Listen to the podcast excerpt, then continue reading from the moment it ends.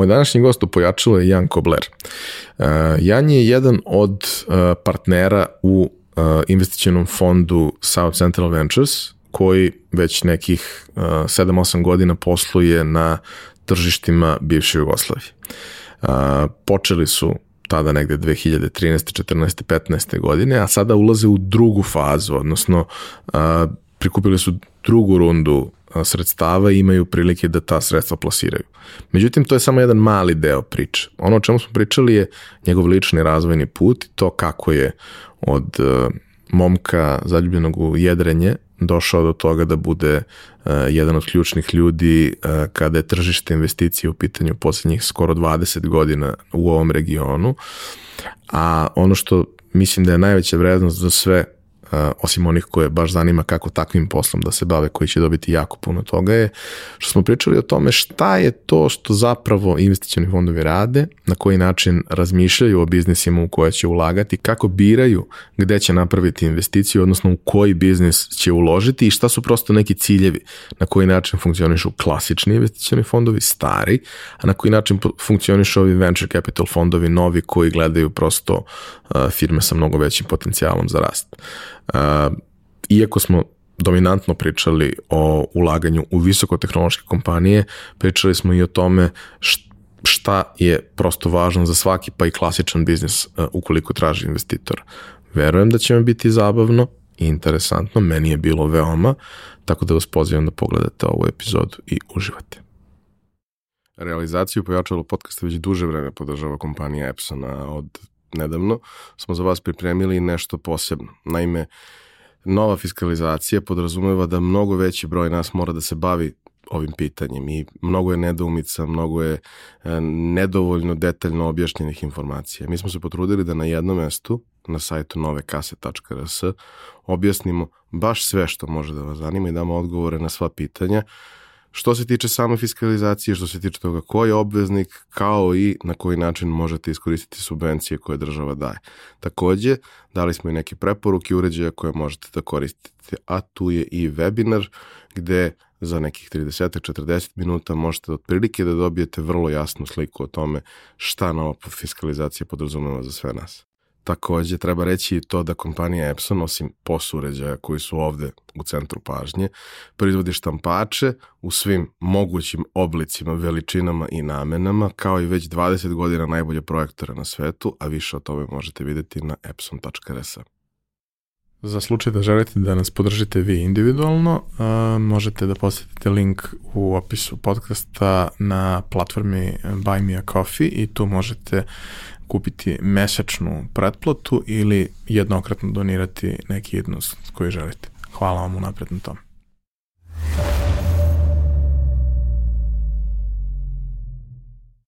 Po prvi put u pojačalno imamo neko ko je investitor, odnosno deo je investicionog fonda, partner u fondu i time se bavi već neko duže vreme.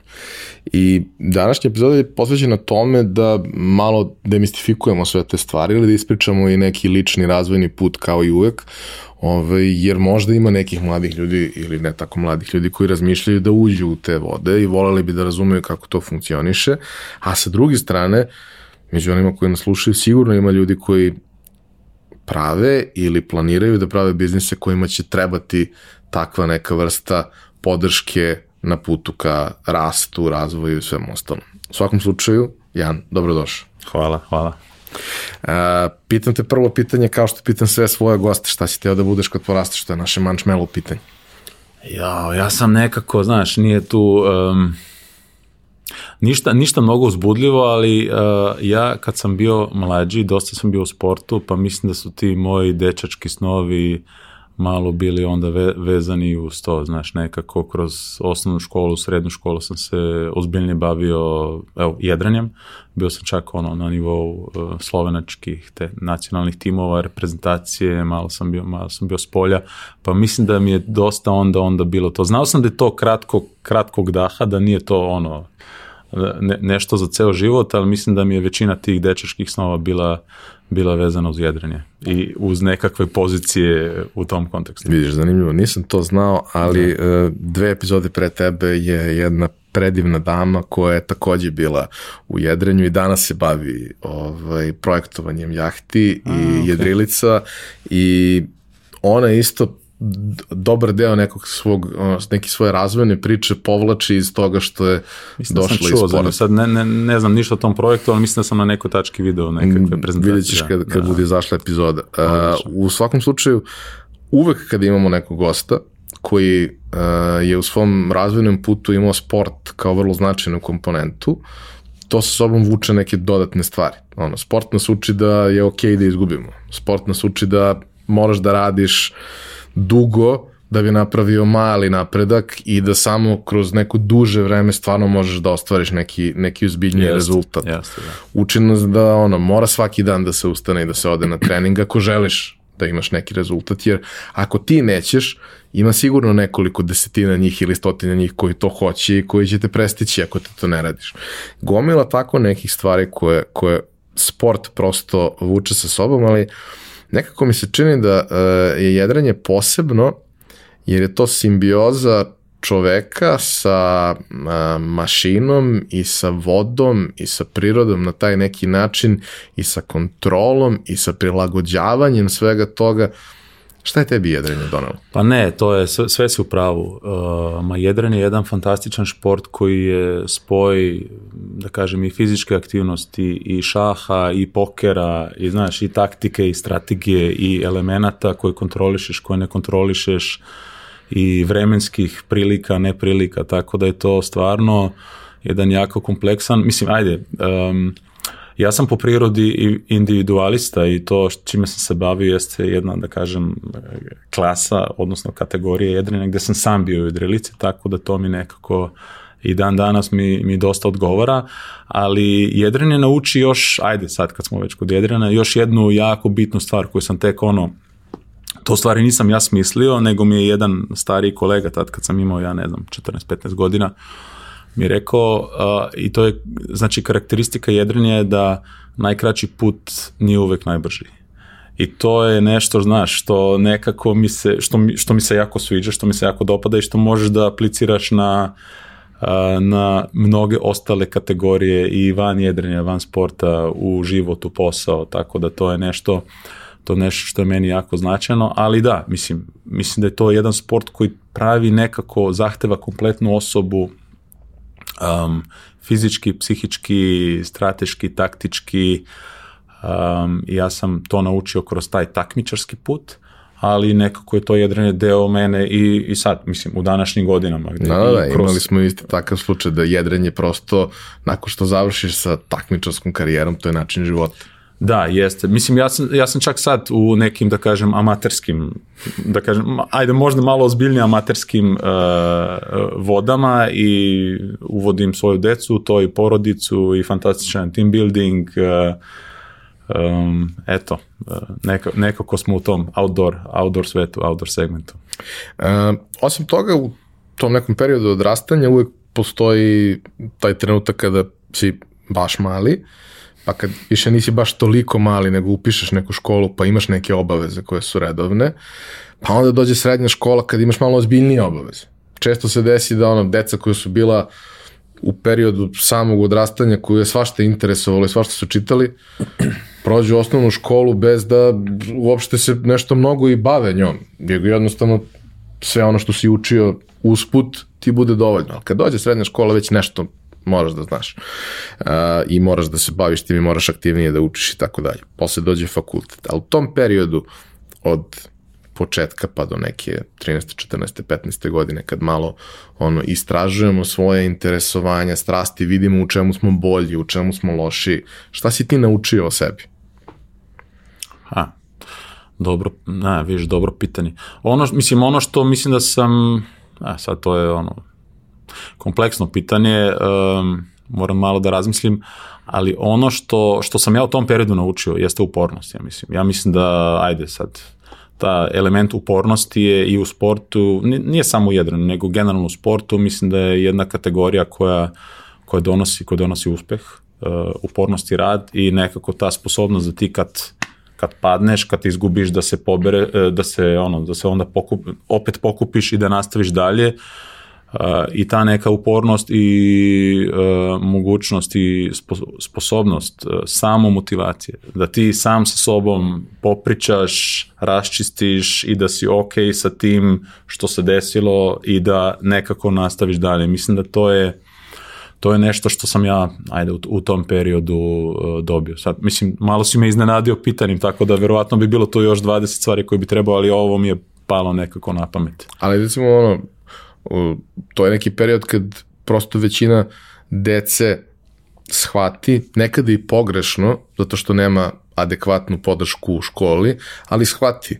Ja sam za društvene nauke, više sam za neku istoriju, više sam za neku književnost, više sam za tako nešto, ili sam više za prirodne nauke, matematiku, fiziku, to mi ide dobro, jako dobro, kapiram brojeve, mnogo mi lakše ide taj deo priče. Uh, Jesi imao pa, neki meni, ono Pazi, meni uvek taj društveni deo, društveni deo, društvene nauke, da, to sam nekako shvatio, znaš, da to što se tiče uh, jezici, komunikacija, uh, to mi uvek više nekako, što je malo čudno da sam se onda našao u tom svetu, koji je više ono uh, numerički i, broj, i, de, i data driven, da kažem.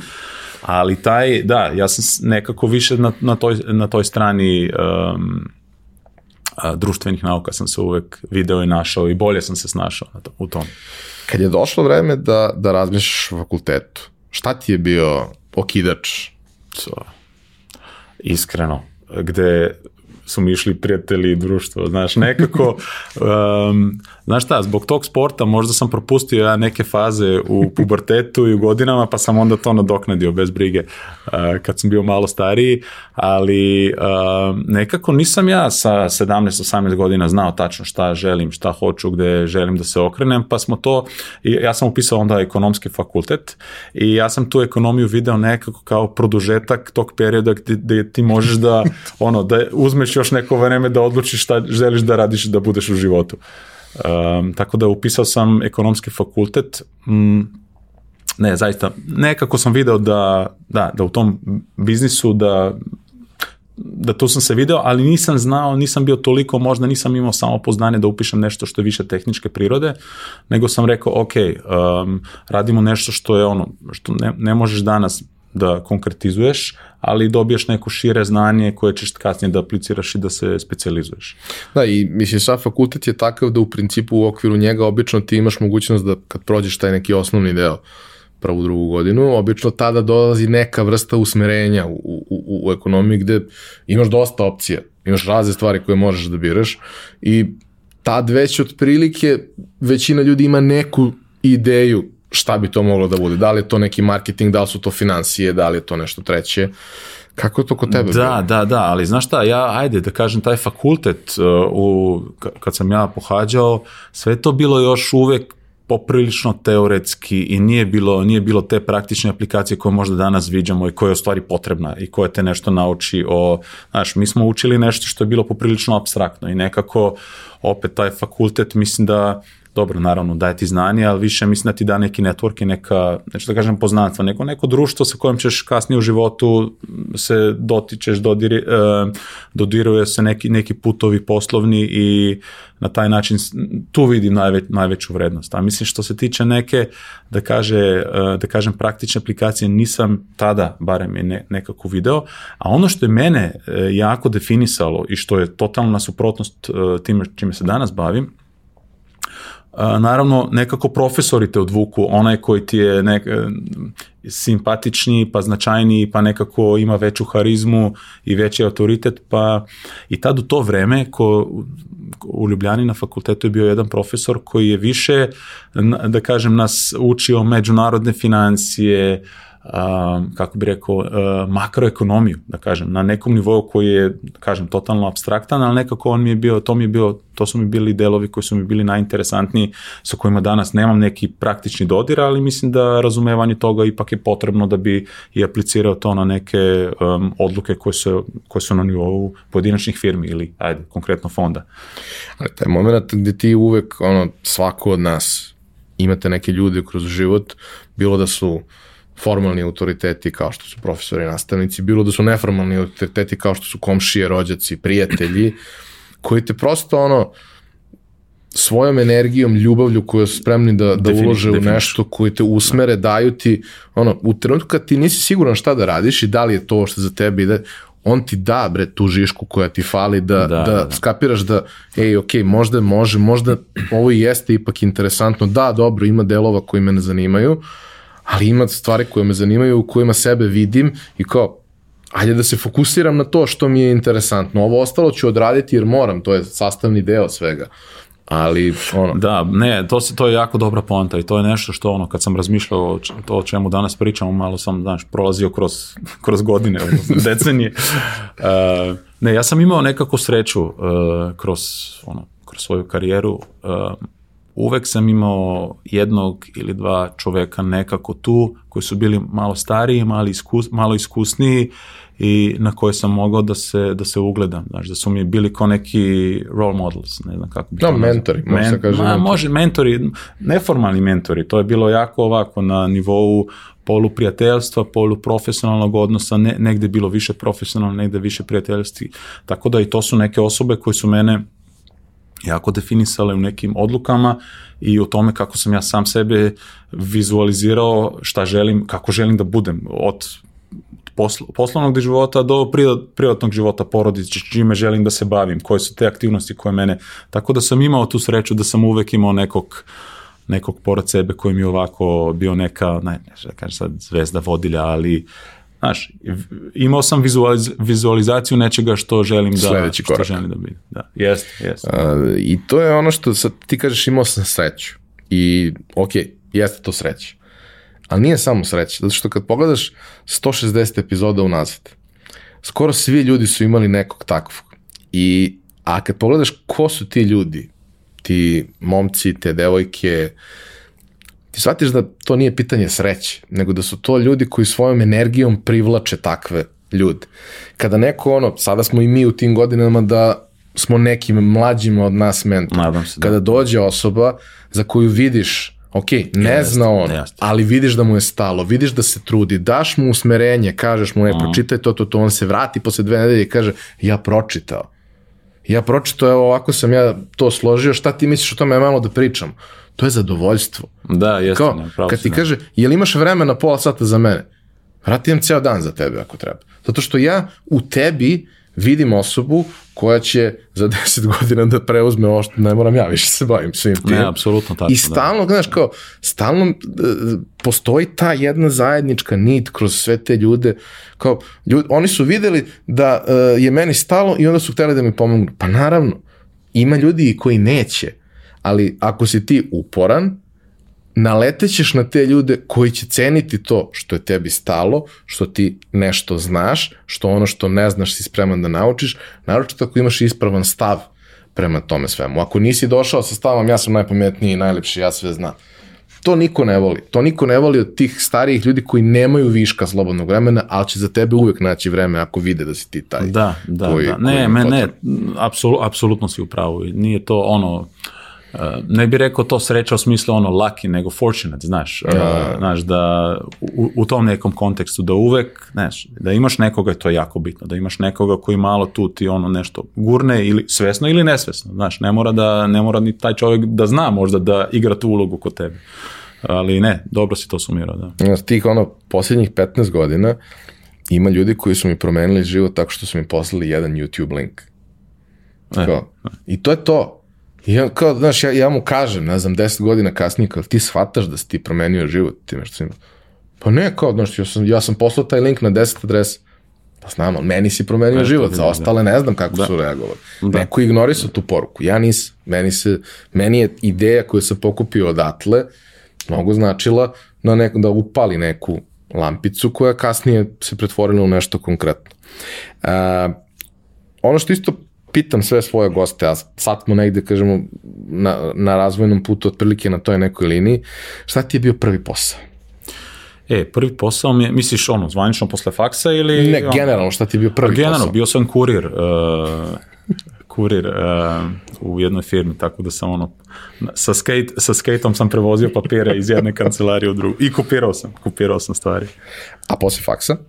Posle faksa, posle faksa sam išao, ajde, krenuo sam kao analitičar u jednoj brokerskoj kući uh, u Ljubljani uh, i brzo sam se, ali brzo me nekako odvuklo i ono, unutar te organizacije sam išao više ka privatnim kompanijama, znači ono, još uvek analitika, financije, analiza tržišta, um, analiza konkurencije, ali kod, kod privatnih kompanija. Tako da, kao fi, neki finansijski analitičar, analitičar sam radio prve dve, dve godine. I kako je teko dalje uh, put tvoje karijere? Šta su ti donosila ta iskustva kada on prvi put dobiješ realan posao, radiš sa realnim podacima, neki saveti koje ti daješ, ajde ne donosiš ti odluke kao analitičar, ali ti daješ neke procene, daješ neke... Da, da, da. Ma, ono, znaš šta, utičeš znaš šta je, na život. Ma da, znaš šta je meni bilo sad kad gledam unazad, što mi je bilo jako, um, opet malo abstraktno i što bi danas drugačije radio, znaš. Uh, mnogo previše sam tad kad smo radili neke, ili su to bile analize kompanija, ili analize nekih, ne znam, kompanija, privatnih kompanija, ili su to bile analize nekih uh, listiranih kompanija. Znaš, mnogo previše nekako sam, sam vidim kod sebe bilo neke reciklaže, ne, nečega što si ti pročitao pa si na neki drugi način onda ili zapakovao ili to, do, ali dobro, valjda to možda sa godinama sa iskustvom dobiješ. Sad bi ja to na totalno drugačiji način radio, više bi ono samo neku, neku svoju logiku pokušao da apliciram i, vi, i manje bi, manje bi možda kako da kažem, ne obratio pažnju na te neke druge izvore, ali više bi nekom, nekako svojom glavom i svojom logikom bi pristupao, pristupao stvarima.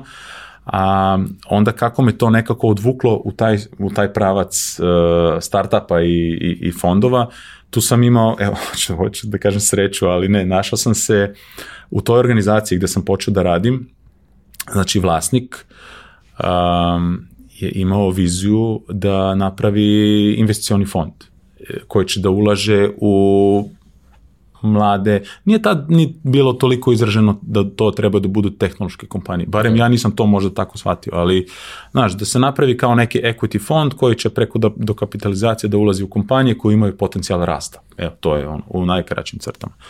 I nekako ja sam, ja sam tad imao, ne znam, te 20, 23, 24 godine I on je mene uzeo kao nekog deputija, znaš, koji će tamo, neću da kažem njegov potrčko, ali on je zamišljao neku ideju, a ja sam tu radio na egzekuciji pa na analizi. Tako da sam kroz taj blizak rad sa njim, sam tu stekao dosta iskustva, video sam kako razmišlja, dobio sam dosta on je bio rođeni prodavac, na primjer, znaš, ja nekako sam uvek bežao, plašio sam se prodaje, a ja sam kroz taj proces, znaš, sam naučio da zavolim prodaju, jer uvek sam mislio da prodaje, to ti ono, ko used car salesman approach, znaš da je to nekako ono, neko će... Ne, ti neko... problem kad, kad, sa, ono, kad pričaš sa lošim prodavcima, tebi je uvek asocijacija prodaje prevara. Pa jeste, da. A kad pričaš sa dobrim prodavcima, a imali smo par gostiju koji su iz te priče, to ti je ona varijanta, nije prodaje prevara, prodaje ja tebi rešim problem i ti budeš srećan. Jeste, I ja jeste. budem srećan što sam tebi rešio problem i svima bude dobro.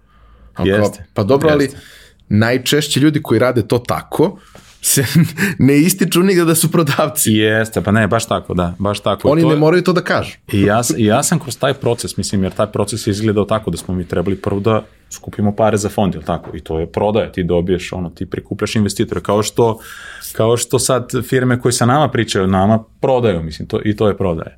Tako da ja sam kroz taj proces zavoleo zavolao prodaju, ne na, mislim, na taj način sa, nadam se, određenim elementom sofisticiranosti, sofistikacije, ali um, tu sam se, kažem, na, našao rama uz ramu sa tim gospodinom koji je, koji je bio, koji je imao ideju, koji je onda krenuo da stvara tim i od tog tima sam se ja mnogo naučio, ja sam bio tu neki junior, koji, ali još junior sa dosta, da kažem, velikim um, neću da kažem ovlašćenjima, ali sa, pošto sam bio od početka tu, znao sam celu istoriju, znaš, imao sam, imao sam neki uticaj na to šta će da se radi u tom fondu i kako će to da se, kako će to da funkcioniše, u šta ćemo da ulazimo, šta nećemo da ulazimo, tako da to mi je bilo, evo, slučajno sam se nekako našao u, u tom prostoru, um, a onda sledeći korak od toga je bio, on, i to što je bilo zarazno u stvari, je bilo kad smo krenuli da tražimo investicije, da, da tražimo firme u koje ćemo da investiramo. I tu, kroz taj proces sam imao priliku da,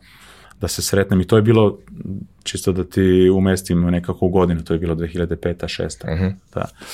A tad smo, tad je taj startup svet u Sloveniji krenuo da se, krenuo da se nekako uh, popularizuje, da, znaš, da ljudi su krenuli da osnuju svoje tehnološke firme i kroz to sam ja upoznao te foundere i kroz tu njihovu energiju, žar, znaš, nekako to je zarazno, mislim, to kad pričaš sa tim ljudima, barem ja kad sam bio mlad, dosta me to dotaklo i bilo mi je prosto inspirativno, uh, jer, jer sam video da, znaš, kad radiš u nekoj korporaciji ili u nekoj većoj organizaciji, ti jako teško vidiš neki svoj uticaj, impakt tvog rada, tvoje akcije, nemaš reakcije ili to nekako se izgubi u tom... Ili traje velikom, beskonačno. Ili traje, da. A tu, na primjer, u tom, u startup svetu ili sa investicijama ili dan današnji kad radimo sa startupima, znaš, to su toliko male, osetljive uh, jedinice da svaki svaka akcija ima, ima neku reakciju i ti vrlo brzo možeš da vidiš rezultat uh, svoje neke uložene energije. I to je valjda nešto što je što me najviše najviše privlači kod toga. I plus druga, druga stvar je to što stvaraš nešto pozitivno. Znači iz nule stvara, stvaraš nešto. Nije da um, Znaš, gradi, Brzo gradiš je, nešto iz Agilno je, yes, uh, yes. efikasno je, jer mora da bude tako je postavljeno. Nemaš sad gomilu birokratije, nemaš svega onoga, da. ništa ne traje beskonačno, da. sve je zapravo vrlo, vrlo, vrlo brzo. E sad, uh, dakle, tvoja prva priča sa, sa investicijnim fondom je bila klasičnija priča. Ona je bila okrenuta ka klasičnim biznisima. Sa jedne da. strane, ok, taj proces funkcioniše tako što prvo prikupljaš kapital, onda gledaš gde da ga plasiraš, ali hajde malo da objasnimo ljudima, dakle to je 2005. godina, ne pričamo o venture capital fondovima koji se bave startupima, pričamo o klasičnim investicionim fondovima. Koji je mehanizam? Kako to treba da funkcioniš? Šta je vaš posao? Da. Privučete kapital i šta onda? Pazi, sa jedne strane privučeš kapital, a sa druge strane tražiš prilike za taj kapital, tako da na neki način si agent. Ti si agent koji je taj kapital dao moj mandat, ok, ja želim da investiram u taj, imate tu i tu strategiju, tad jeste malo to bilo klasičnije, ba da nije bilo, bilo je na granici, da kažem, tehnologije, usluga, e, tako da jeste imalo taj tehnološki neki šmek, ali nije bio to klasičan, klasičan VC koji bi ulazio u neke priče koje, koje bi bile pri revenue, na primjer, to što, što danas ponekad, ponekad radimo. Um, tu je jednostavno, znaš, ti si taj agent koji za kog investitor računa da si dovoljno uh, potkovan, imaš iskustva, imaš znanje, svakodnevno si tu, znači da imaš vidljivost, znači znaš šta se dešava na tržištu i da ćeš u njegovo ime da nađeš najbolju moguću priliku uh, za, za taj uloženi euro. Uh, na neki način, uh, znaš, sve se svodi na građanje pipelina, sa, na to da, da znaš šta se dešava na tržištu, uh, kakve su valuacije, koliko se pojedinačne stvari vrednuju, uh, da imaš pristup, uh, mislim, dosta je kompleksan posao, jer ti se, jer je to dugotrajan posao, jer to mi trčimo maraton, ja kažem, na neki način, znaš, kad investiraš, onda ti traje 5, 6, 7, 8 godina, ponekada neka firma izraste u nešto, pa da na kraju tu firmu prodaš i vratiš kapital investitoru. Tako da su to, da kažem, kompleksne, dugoročne, dugoročne investicije za koje treba dosta vremena da se vidi da li si ti nešto dobro dve godine unazad ili tri godine unazad odlučio ili nisi. Ali na osnovu čega odlučuješ? Šta su argumenti za? I šta su možda neke stvari koje su ti ono crvena lampica koja kaže u, ovde nećemo. Pa da, ima dosta crvenih da. Vidi, argumenti za, sad mogu da krenem čist, čisto iz početka, ono što mi, na primjer, danas gledam kod firmi. Um, da li postoji tržište za taj, za taj proizvod? Kakav problem zapravo ta firma rešava? Um, kakav je tim, znaš, da li tim ima neki zajednički, zajedničku istoriju, da li su radili nešto zajedno ili su se uh, skupili pre tri meseca sa nekom idejom da, da nešto rade. Uh, onda kakva je, kakva je tu konkurencija, znaš. Kakvo tržište, kako tržište gađe, da li je to regionalno tržište, da li gađaju neku globalnu nišu koja će se, sad možda danas nit ne postoji, nego će da postoji, mislimo da će postoji za godinu, dve ili tri.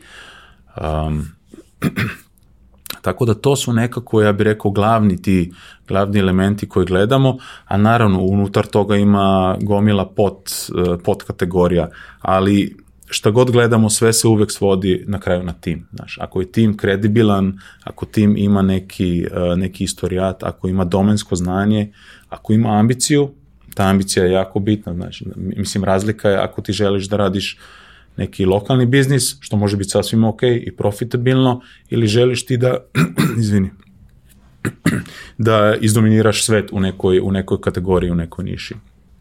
Tako da mi koji smo u tom, da kažem, eh, jako eh, ranom early stage svetu tehnoloških investicija gde ne postoji još možda neka baza klijenata, ne postoji neki cash flow, ne možeš da gledaš istoriju firme, trebaš da gledaš samo budućnost, to su ti ljudi sa kojima radiš, su ti najbitniji.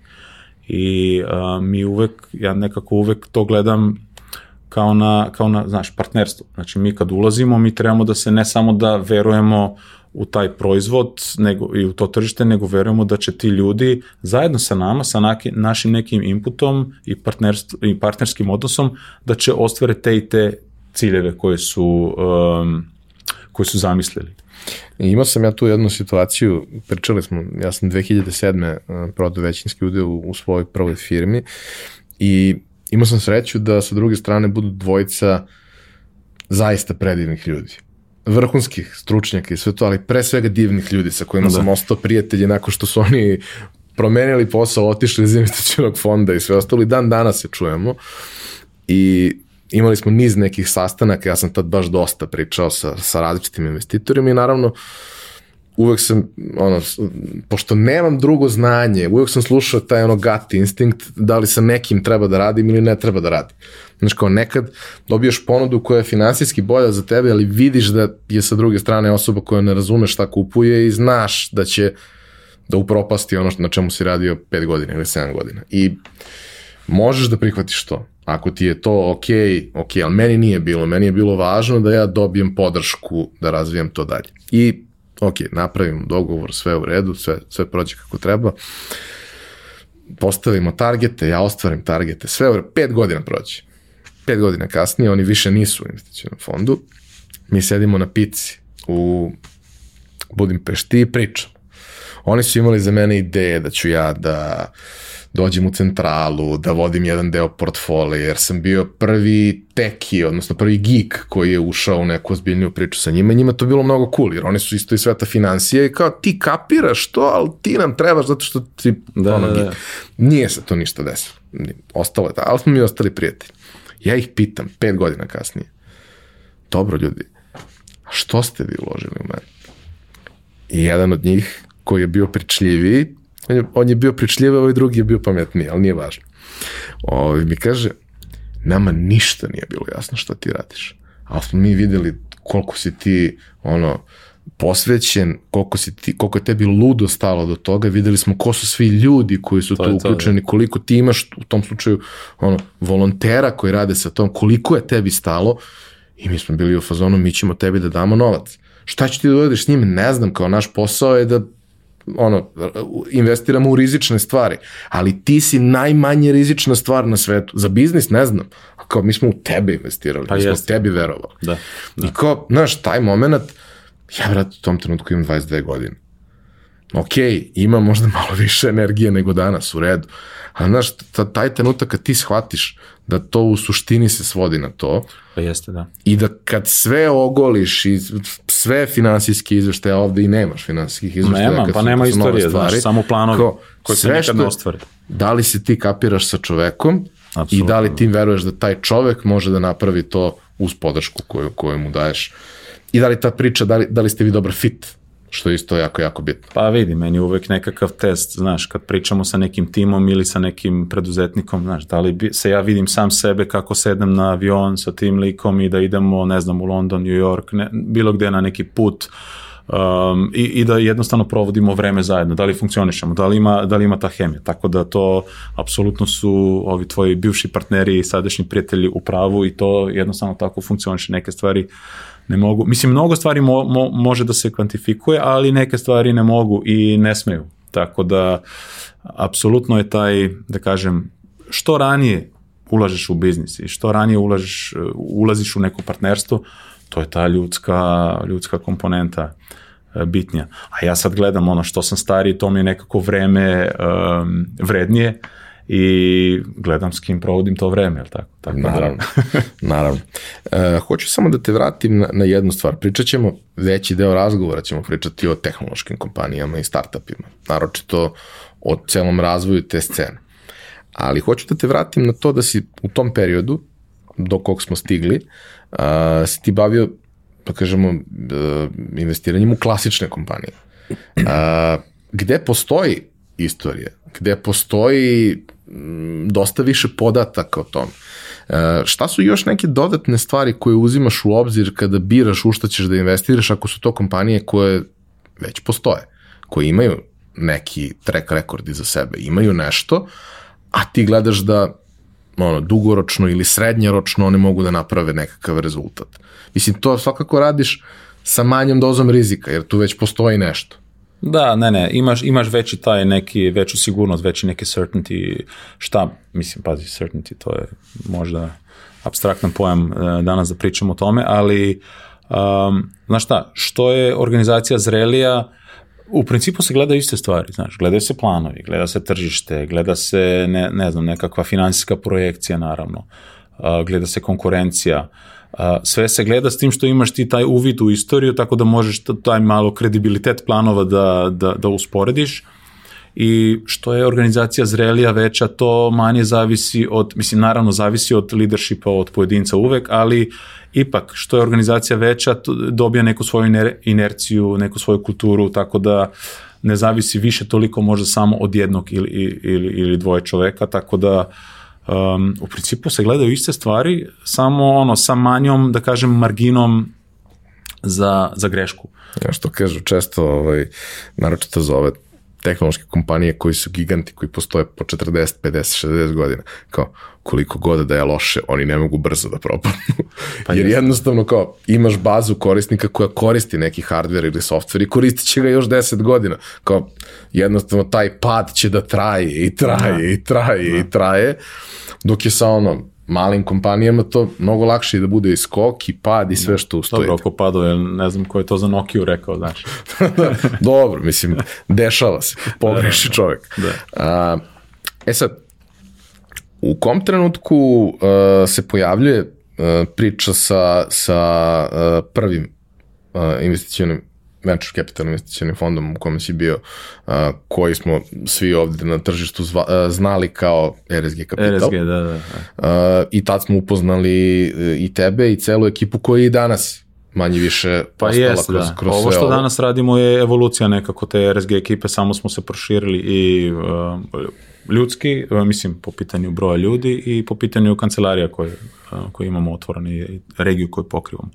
To je bilo 2009. godine. Znači, ja sam tad, sad se vraćam u šestu, sedmu, kad smo ono, kad sam rekao da sam imao priliku da radim sa tim ono, vlasnikom firme koji je imao viziju da napravi taj fond, to smo napravili, napravili smo dve, tri čak investicije, onda se desila 2008. godina. I znači, kanal.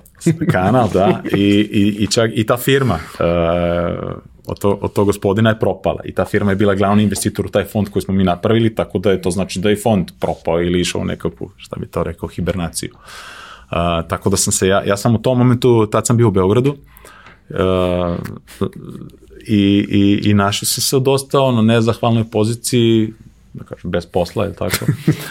Um, ali nekako nisam, nisam imao još volje da se, da se vratim, da, hteo sam da ostanem ovde jer sam nekako to doživao kao neki lični, lični neuspeh. Mislim, možda nije bio moj... A da, lični, lični neuspeh je što se urušilo tržište. Pa ne, pazi, ne, bilo bi mi ono, ja, mislim, ja sam, znaš kako, došli smo, ja sam došao sa, sa porodicom, sa mladom čerkom i e, sa ženom smo došli ovde tamo na letu 2008. Bad timing, znači septembar se desio crash i to je sve krenulo onda nizbrdo, onda sam se ja tu snalazio sa nekim ono privatnim projektima, neki consulting sam radio za, i za neke startupe ovde koji su tad bili ovde.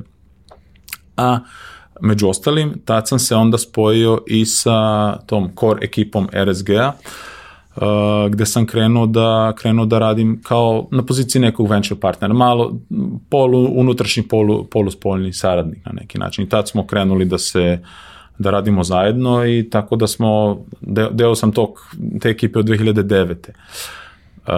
Um, I taj priča o RSG kapitala je tako, to je počelo naravno u Sloveniji, više manje portfolio I tu su, ne znam, Jure i Tatjana, moji današnji partneri, oni su bili dosta vizionarski, su tad već prepoznali, znaš, da je prilika budućnost u toj tehnologiji u regionu, da postoji neki nedostatak tog kapitala, da postoji možda neki suficit, postoji neka baza talenta i ljudi koji žele nešto ambiciozno da radi iz regiona i oni su to prepoznali i to su krenuli, mislim, na 2007. Um, da rade. Um, I to je nekako taj, mislim ja sam jako zahvalan za taj crash koji se desio 2008. godini, jer to je mene na neki način bacilo van zone komfora i nekako sam bio, znaš, sam na, sam na tržištu, mislim, e, imao sam par, e, kažem, tih angažmana, bio sam ko neki freelance konsultant, što, što, što mi je bilo jako, jako dobro iskustvo i um, u stvari sam srećan da se, znaš, to, to desilo, jer um, kad ti padneš, ono, dotakneš nekako dno i onda možeš da, možeš da kreneš da gradiš ja, dobiješ nešto. reset. Nešto reset, totalni reset jeste. Dobiješ reset i dobiješ priliku da, ok, hajde sad malo da razmislim šta ću, kako ću, gde ću i onda vidiš šta ima smisla. A uh, Jure i Tatjana su stvarno uh, ekstremno dobri motivatori. Uh, ja sam ih uvijek doživljavao tako, znam ih dugo. Ovaj, I uvek kada sam slušao njihovu priču, uh, njih sam upoznao pre tebe, uvek kada sam slušao njihovu priču, imao sam tu ideju kao, naravno nije se desilo za sad, vidjet ćemo, ali kao, ako bih imao biznis, kome treba investicije i želim da ono, pričam sa nekim, želim da pričam sa ovim ljudima, zato što se ja sa ovim ljudima razumem. Ja se sa ovim ljudima razumem i ovi ljudi mogu meni da pomognu, mogu da mi doprinesu. Da. Ne samo novac, e, no, novac, ono, ako si povezan dobro, a ja, hvala Bogu, jesam, ima novca. Novac, novac će se naći. Da. Ali taj moment da, da ti trebaju i znanje i kontakti i sve, da ste vi svi ljudi iz financija koji ste jako ozbiljno povezani, da imate kontakte koji izlaze iz okvira financija. Znači da je to ono, ceo ekosistem poznajete. I u Sloveniji, i u Hrvatskoj, i ovde, da to traje više od 10 godina, uh, Kao, to, je, to je neverovatna stvar. I sad, početak te priče, znači RSG i, i, i samo tržište Slovenije u tom trenutku je zapravo, kao, iako je bilo u nekoj ranoj fazi, ta rana faza uopšte nije bila bezazlena. Bilo je tu nekih vrlo ozbiljnih priča i kompanija koje su pravile zanimljive stvari, koje su ostvarivale neke tržišne rezultate koji su bili interesantni i izvan okvira Slovenije. Ja znam dosta tih ljudi, neki, neki od njih su mi prijatelji i mogu slobodno da kažem da po, po nekim parametrima, ne i svim naravno, Slovenija 2009. i Srbija 2022. su mm, vrlo blizu. Po ozbiljnosti nekih ljudi, ja i dan danas, kažem, imam, imam par prijatelja koji su, da kažemo, vrlo uspešni tehnološki preduzetnici iz Slovenije, meni su uvek toliko inspirativni razgovori sa njima. Jer bukvalno imaš taj moment kao svako od nas kroz različite faze u životu dolazi do neke stepenice. Pa pročitaš neku knjigu pa si stepenicu više. Pa pogledaš neki dokumentarac, nešto, pa ovo, pa prođeš kurs pa i rasteš lagano. I onda dođe neko ko je pet, pet stepenica iznad tebe. I to ne zato što si ti glup, a on je pametan, nego zato što su ga tržišne okolnosti godinama odnegovale da bude iznad tebe. Jer je jednostavno, on čovek igra, ne igra možda ono, NBA ligu, ali igra Euroligu, a ja igram ABA ligu. Da, ma, ma znaš šta, um, slažem se, slažem se donekle, ja mislim da sad usporediti 2009. i, i 22. Nezahvalno je da slažem nije, ne, nije to, ali mislim da to je put je skroz bio drugačiji. Znaš šta, um, u Srbiji nikad, um, sad kad gledam poslednjih 20 godina, nikad nije bilo nekog momenta gde, se, gde je neka malo veća količina kapitala ušla u ekosistem pa da bi podigla taj ekosistem. To se Sloveniji desilo, znaš, krenulo je da se dešava tamo u 2005. 6. 7. 8.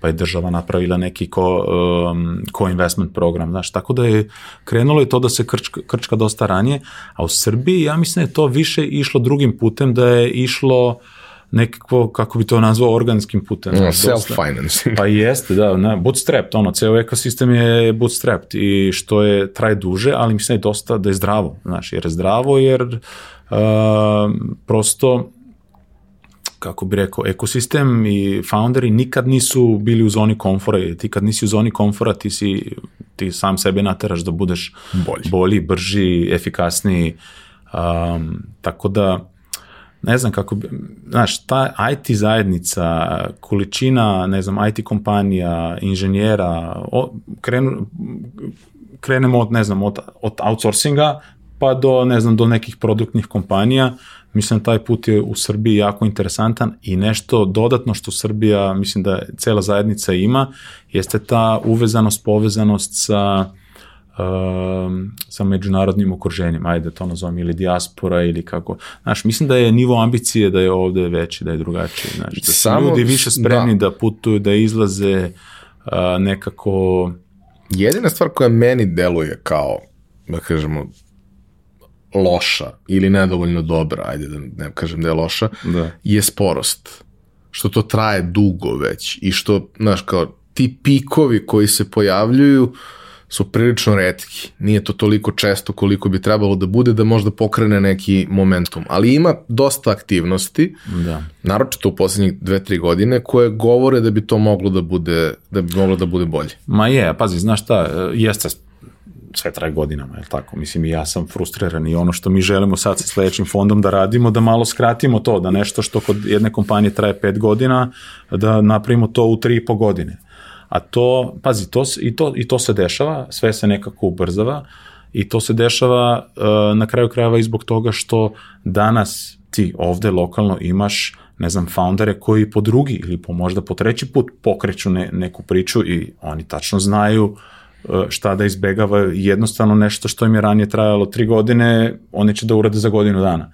I to je, tako, slažem se, traje sve dugo i ono tre, treba nekako dobiti taj momentum i ali mislim da sad smo ga sad smo ga dobili da se stvari dosta dosta brže na neki način kotrljaju. Znaš, izvini, još samo to da dodam.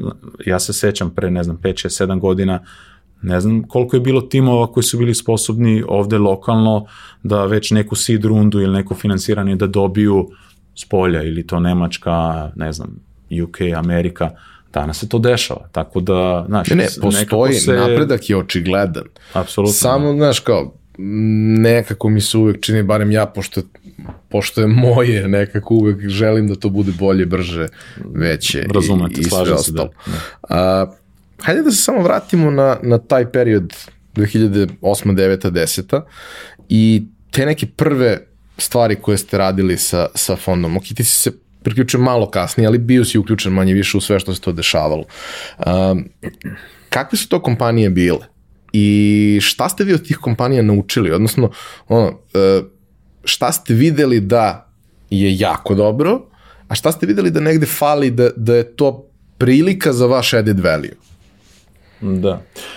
Pazi, uh, da, da, se, da se malo ogradim, ja u, to, u tom periodu ja sam, bio, ja sam bio prisutan, ali nisam, bio sam sa jednim delom svog vremena. Sa drugim delom svog vremena smo gradili, smo radili neki startup, tako da to može, mo, to je bio neki paralelni trek mog života od 2008. 9. do 14. Ali znaš šta, što se kompanija tiče šta, i šta smo naučili, šta je nekako bio take away, nekako smo tad naučili da, mislim, do izražaja je došao taj element, znaš, ko su partneri, u koga investiraš, kakvi su, znaš, u kakve karaktere nekako treba ulagati, u kakve karaktere ne treba ulagati. A, I drugi nekako element je bio gde god smo uložili u priče koje su bile regionalnog karaktera, um, nismo bili nije bilo uspešno.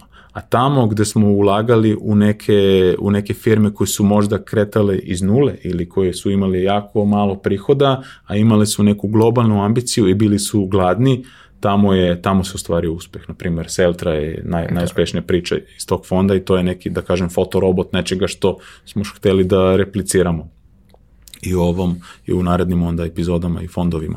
Tako da taj nekako, znaš, tamo gde, gde smo išli u te, da kažem, globalne challengere određenih niša, tamo se pokazalo kao uspešno, tamo gde smo išli u nekakve više regionalne priče gde, koje su možda izgledale stabilnije, manje rizične, to su stvari pokazalo kao više rizično.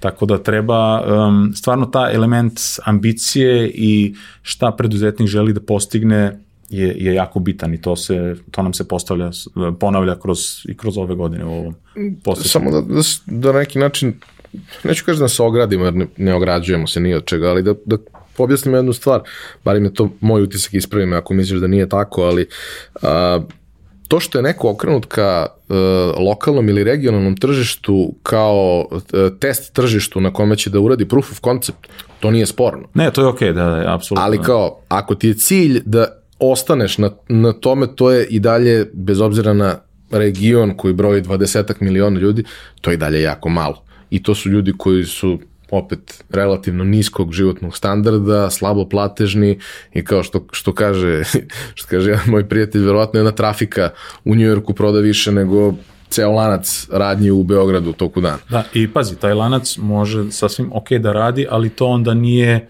svrha, da kažem, tog venture kapitala koji bi trebao da traži nešto više, nešto brže, nešto, nešto što ambiciozno. Što može više da iskoči. Jeste, da. da. Jer je stopa rizika toliko velika da jednostavno ti ako uložiš u 10 takvih priča, onda ti jedna ili dve trebaju da ti vrate sve neuspešne, jer ti prosto trebaš da računaš sa tim da će jedan broj tih priča koji se na, u koje se investirao će biti uh, fail. Ili će biti ono potpuni fail, ili će biti ono mediocre, neće napraviti ništa što je značajno, što opet, što je opet ne, fail. ne, odgo, ne značiti, fail, da. ali ako jedna ili dva naprave uspeh onakav kakav je projektovan, ti si jako dobar u, u celoj priči. Jeste, da. To je, to je neka postavka. Uh, imao si startup? Kakav start? Ne, znaš šta, to je bilo, to je bilo opet, to je bio opet splet okolnosti. To nije bio tehnološki startup, da se razumemo, ali to je bio nekako opet moj dodir sa, sa jedrenim. To je bio jedan, jedna kompanija koja je, koja je pravila jedrilice, ali je bio, da kažem, na drugačiji, inovativniji način nekako uh, cela nautika je jako konzervativna branža, tako da tu nije bilo, tu se promene jako sporo dešavaju, teško se dešavaju, imaš te neke stare velike igrače koje koje su, ajde sad da, da ne ulazim pre, preduboko u to, ali dosta je konzervativna branža i mi smo tu, um, ja i moje dva, mislim dva, imao sam tu dva partnera, smo krenuli da radimo uh, proizvode koji su prosto bili uh, um, kako bi rekao, koji su uzimali performanse nekog sportskog sveta i stavili su te performanse u neki user interface koji je um, za prosječnog čoveka. I što si dobio jedan proizvod i jedna jedrilica koja je izuzetno fun i koji je lako, ono, lako si, relativno lako, kako bi rekao, upra, lako si upravljao time. I opet tu u toj priči sam se ja našao kroz splet okolnosti gde je jedan poslovni anđeo koji je investirao u inicijalno u tu, u tu firmu, ta startup, je mene nekako privukao sa svrhom da mene vidio kao neki spoj, ok, financija, biznisa, tog nekog ono da otprilike znam sa brojevima, a sa druge strane imao sam i neku, neki istorijat u jedrenju i malo sam poznavao branšu i imao sam neki dodir iz prošlosti sa time. I oni prosto žele da ja budem to kao neki uh, late co-founder, što sam, što, i u toj ulogi sam se našao.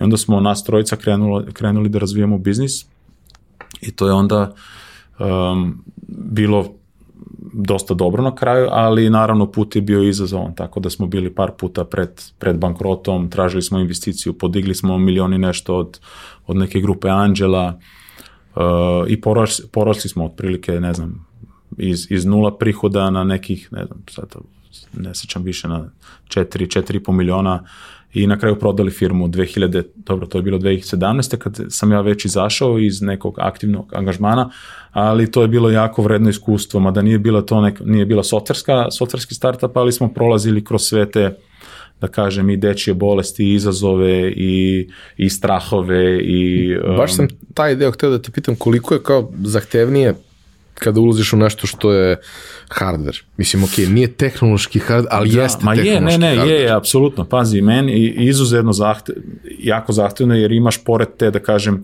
mislim, mi kad, uložiš u softversku kompaniju, glavni trošak su ti ljudi, jel tako? Ljudi i onda, ok, ako idaš marketing, to što je opet se svodi na ljude, znači sve nekako, nekako mi se čini lakše da um, kontrolišeš.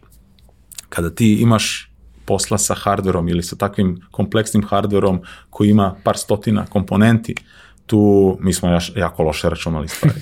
Znaš, mi smo mi smo super radili kao, kao, kao brand, prodaje, ali um, trebalo nam je par godina da naučimo koliko na stvari koštaju. zapravo koštaju. Mislim, ne, koštaju, pazi, koliko će stvari danas koštaju, pošto mi smo naravno išli dalje, pa razvijali smo nove modele i i sa tim novim modelima i sa tim kalkulacijama i predviđanjima, tu smo se uh, zakalkulisali. Tako da je ne, taj hardverski deo je jako, jako izazovan jer trebaš, imaš i element dizajna, logistike, pa sklapanje, pa kontrola kvaliteta, šta god je, koliko god, mislim ja imam veselje raditi sa fizičkim stvarima jer nekako su stvari, jer taktilne su vrlo. Opipljive su, mislim ti vidiš šta si napravio. A sa druge strane donose jedan dodatni to, to, sloj, dođeš da ga napraviš sloj, je... rizi, sloj rizika da, ko, koji dolazi sa tim. Ali ne, to je bilo, ja sam zahvalan za tu, za tu epizodu. Ma ti kažem da je to bilo izuzetno stresno, izazovno. Mi imali smo stvarno momente gde smo ono bili na rubu propadanja, dugovali smo dobavljače, znaš, imaš dobavljače, mislim, tu kod softvera nema, mislim, imaš dosta manje dobavljača, mislim, nego kod, ne, u, u usporedi sa hardverom. I mnogo je lakše skalirati. Ovo neko mora proizvesti. Jeste, jeste, da. Jeste. neko mora da proizvede i neko mora da sastavi. Dobra lekcija bila, da. ovaj, uh, prvi fond uh, je bio kažemo primarno okrenut ka Sloveniji, ali je počeo i ovde da bude prisutan. Jeste, da postao je vidljiv, upoznali smo ljude, krenule su neke priče. Mislim čak da je bila i neka investicija koja je bila uh, u Srbiji, nisam sad siguran. Ako se dobro sećam, neki agro tek je bio, ako, ako se dobro sećam, a možda i e, ne znam, od nas ne, mislim da, znaš, sam RSG tad u tim godinama imali su dve investicije u, u Hrvatskoj, tako da to Toga je, se sećam, da. toga se sećam. Sad za Srbiju mislim, mislim da nije bilo, možda je bilo razgovora, možda je bilo priča, ali mislim da konkretno da ništa se nije investiralo. A, kako izgleda, dakle, pričamo o prvom, prvom ovaj fondu, kako izgleda životni ciklus venture capital fonda? Zato što ljudi misle da to, to je sad nastalo i sad to traje beskonačno. Ne Ma traje. ne, to je, pa pazi, taj životni ciklus, to traje dugo, to je kao prvo, traje duže nego što bih hteo ili što bih zamislio, ali u teoriji traje 10 godina. U teoriji e, svi ti fondovi su formirani tako da traju 10 godina, gde prvih 5 godina se investira, a drugih pet godina se dezinvestira, odnosno traži se te egzite, takozvane, znači prodaje portfolio kompanija. Um, u praksi se to jako često razvuče na, ne znam, 12-13 godina, ali um, bitno je, mislim, bitno je da postoji dinamika u tom, u tim prodajama i investicijama, da, jer sa jedne strane imaš investitore koji naravno pet godina ulažu, on, onda žele da postepeno da dobijaju taj svoj povrat na kapital uloženi i um, ali u praksi taj ciklus, ne znam, traje više od 10 godina. Ali taj aktivni deo u kome se jure, juri gde će se investirati, je to 4-5 godina. Jeste, da, 4-5 godina se juri, juri investicije. Onda naredne, naredne, mislim, već paralelno je, pazi, ne, ne napravi se sve investicije u prve godini ili u petoj, tako, nego se to nekako postepeno se gradi portfolio. Pa kako i budu prilike. Jeste, u petoj, šestoj godini ti imaš neki izgrađeni portfolio, a paralelno sa tim traženim investicijama uh, ti trebaš da nekako radiš sa tim firmama uh, na tome da napreduju, da rastu, da rastu prihode, da raste organizacija, da podignu nove runde financiranja, što je, znaš, to nekako venture kapital na takav način funkcioniše. Konstantno se, konstantno si u nekom fundraisingu, treba ti, treba ti dodatni kapital da bi, da bi rasao brzo. u proteklim godinama i u tom venture svetu ta brzina rasta je ključni, ključna neka metrika koja se, koja se gleda, ključni parametar. E sad, u, danas se svet malo, malo se promenio, tako da ne znam, vidiš šta se dešava na primjer na berzi, tako da postoji jedna, mislim, dosta velika neizvesnost i možda se i ta paradigma malo menja u smislu da nije sad sve samo do rasta, nego treba trebaju da firme budu i nekako samo, više samo održive ili manje neodržive nego što su nego što su, nego što su bile, jer iza tih velikih, velikih stopa rasta se krije jako velika količina potrošenog novca. Znači, firme koje imaju te um, nenormalne, um, ne znam, možda po par stotina procenata godišnjeg rasta prihoda, to se to su firme koje većinom troše kapital, koji prže prže uh, da, prže da, da. pare i gubitaši su. Samo uh, su su uspešne u tom privlačenju novca zbog neke zbog nekog obećanja uh, profita u budućnosti. I sad nekako... Um, imamo mnogo takvih slučajeva među velikim poznatim. Jeste, naravno, da. da. Koje jednostavno dovoljno su atraktivne, privlačit će novac još neko vreme, ali kao još uvek realno nisu, ne, nisu zaradile ništa. Zaradile su one mnogo, Bukvalno. ali ne postoji profit. Ne postoji profit, da. da. Ovaj, dobro, to je prvi fond. Drugi fond, uh, South Central Ventures, koji sada doživljava svoju fazu 2, odnosno drugu rundu Jeste, svega, da. pričat ćemo i o tome. Ovaj, uh, koje godine je on počeo i sa kakvim uh, ambicijama je on počeo uzevši u obzir prethodne iskustva? Pazi, to je, to je počelo 2015. Mislim, počelo je ranije. Mi smo krenuli sa tom idejom 2013. jer, naravno, kao svaki fond treba prvo da se zainteresira dovoljno veliki broj investitora da bi uh, tebi poverili svoj, svoj kapital. Mi smo sa tim procesom krenuli 2013. i onda smo fond zvanično podigli, odnosno formirali 2015.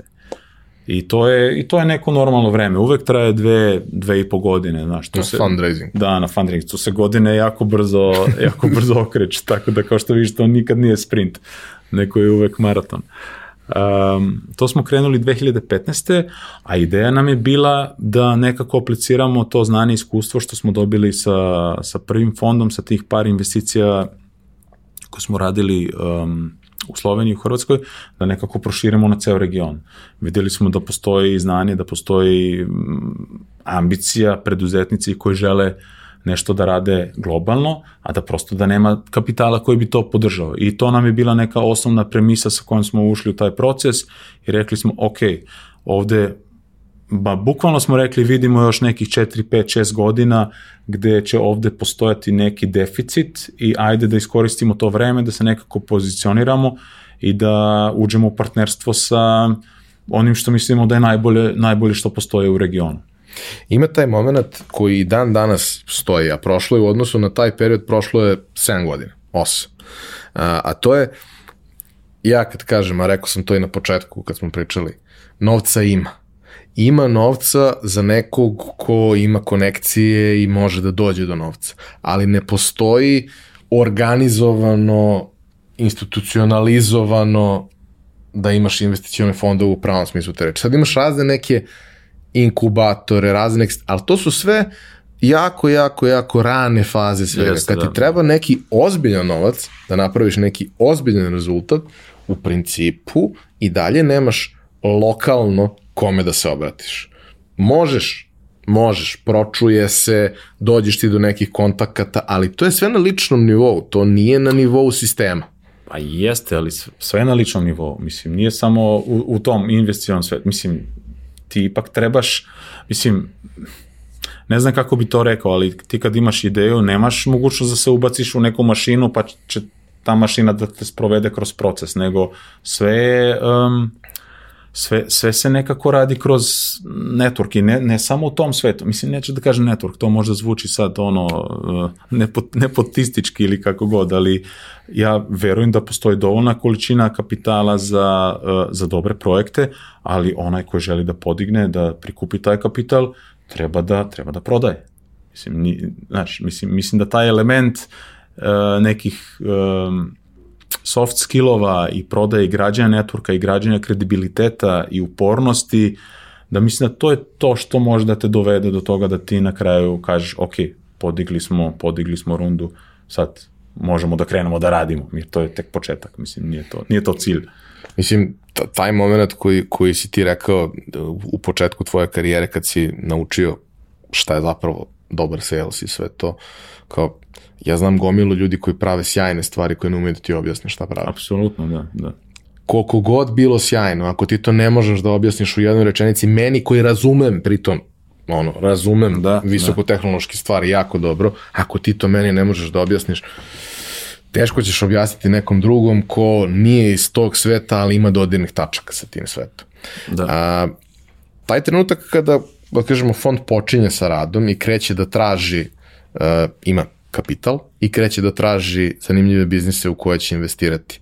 Uh, to znači negde za sve vas da ste prisutni na ovom tržištu, da ste na konferencijama, da upoznajete ljude, da se raspitujete šta ima interesantno, mada već prilično dobro da, da kažemo i znate taj deo priče, ali ono, uvek ste zainteresovani da čujete neku novu stvar. Da.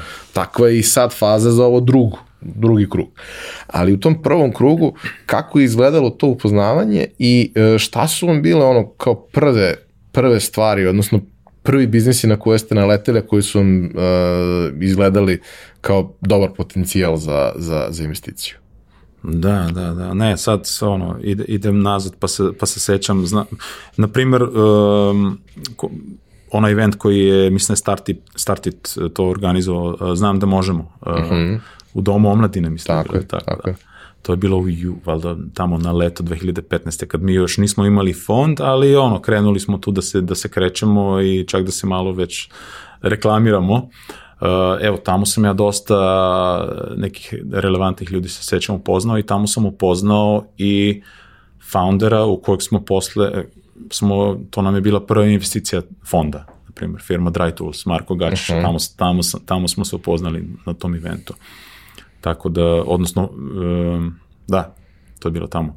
Onda, onda forum, forum je bio jako, uh, taj venture forum, venture da, forum, da, je bio jako značajan i tu se prikupilo dosta interesantnih ljudi. Pazi, nekako su to bile u, u to vreme inicijative koje neke od njih da, još danas postoje i to nam je bilo jako bitno da se pojavimo na tim konferencijama. To je još uvek relevantno, mada danas nekako, znaš šta, dosta nekih prilika dobijamo kroz taj neki svoj sobstveni network ljudi u koje smo investirali, foundera koji su u našem portfoliju, pa znaju neke ljude koji rade neke dobre stvari, tako da na taj način sad... Uh, poruku. Da, nekako oni su naši um, ambasadori. Ambasadori, bukvalno, bukvalno da. da. Uh, ja sam imao prilike da pričam sa nekoliko ljudi u koje ste vi investirali. Neke Šta priče kaže? su uspešnije, neke su manje uspešne, ali ono što su mi svi rekli je uh, ono što sam negde i ja sam osetio kroz, kroz druženje i razgovor da ste vi neki sjajni ljudi sa kojima je lepo provoditi vreme i pričati na razne teme. Lepo, Ove, to, lepo. Mislim da to čuju i gledalci i vide. Ali da, ste, uh, da, da je vrlo značajan deo uh, to, toga svega u, u što su ušli bilo to što je u pitanju uh, ono što bismo nazvali smart money. Znači, da su oni dobili jako puno vrlo konkretnih i ličnih saveta i profesionalnih saveta i saveta koji se tiču financija i svega toga, ali i gomila nekih drugih stvari koje prosto ne možeš da znaš ako nemaš iskustvo prethodno, a vi ste ga imali opet srećom, ali ne srećom, nego zašto ste se 10 godina bavili tim. Da, i pazi, non stop učimo da se, da se razumemo, ali da, to je, vidi, mi smo, ono, ja nas doživljavam kao mi smo partneri kompanija, partneri founderima, osnivačima tih kompanija i nekako, znaš, njihov uspeh je naš uspeh. E, nismo pasivni, ne ponašamo se, nemamo taj stav nekako, znaš, banke, evo, to su, na, to je naš kapital, mi ulažemo i želimo, e, ne znam, taj povrat za toliko i toliko godina ili meseci, nego stvarno želimo da budemo angažovani, radimo, uh, um, zajedno, zajedno rešavamo probleme, tako ja to doživljam. Znaš, nismo na, na suprotnim stranama stola, nego smo u istom čamcu i imamo usklađen interes i idemo, idemo ka istom cilju. Tako da to je meni, mislim, meni lično i mislim da nama kao, kao fondu, kao uh, fond menadžeru, da nam je to nam je naj, najbitniji deo posla, jer kapital koji upravljamo i koji investiramo, to je alat koji može nešto da se postigne. I naravno ti ciljevi koje firme nama prezentuju da će postići, trebamo da idemo ka tome, ali uvek doživljamo stvarno a, to kao partnerstvo, da budemo aktivni partneri, nešto da kažem kao brak, ali da, mislim, i to je na 5, 6, 7 godina, smo mi, smo mi tu zajedno. Ali imaš i taj jedan moment koji isto mislim da je vrlo značajan, a to je vi uzimate aktivno učešće, ali niste to, mislim, u Beogradu je, napravit ću jednu paralelu za, koju samo Beograđani razumijemo da verovatno nije, nije samo za Beograd A to je kao, uh, kad, kad rentaš stan od nekog, imaš stanodavca od koga rentiraš stan, najbolji stanodavac je onaj koga nikad ne vidiš. Ali takvi ne postoje. Imaš one koje vidiš jednom mesečno, jednom u dva meseca kad dođu da pokupe kiriju, a imaš one koje dolaze svaki pet dana da vide kako je stan. E, ti koji dolaze svaki 5 dana da vide kako je stan, gledaš da pobegneš iz njihovog stana, jer kao da si hteo da se družiš, uzao bi prijatelja novog, a ne... Da, da, da. da. I uh, svi Mislim ljudi da, sa kojima sam pričao... Bojim se kao, da znam gde ideš, da. a, da. Da imate jako dobar odnos uh, prema tome koliko ste tu prisutni. Da ste uvek otvoreni za to hej, tu smo ako ti trebamo kad god ti trebamo, a hajde da imamo neki heartbeat, da se čujemo, da se viđamo s vremena na vreme, ali kao nije ideja da mi vas opterećujemo da vi svoj posao ne možete da radite kako treba.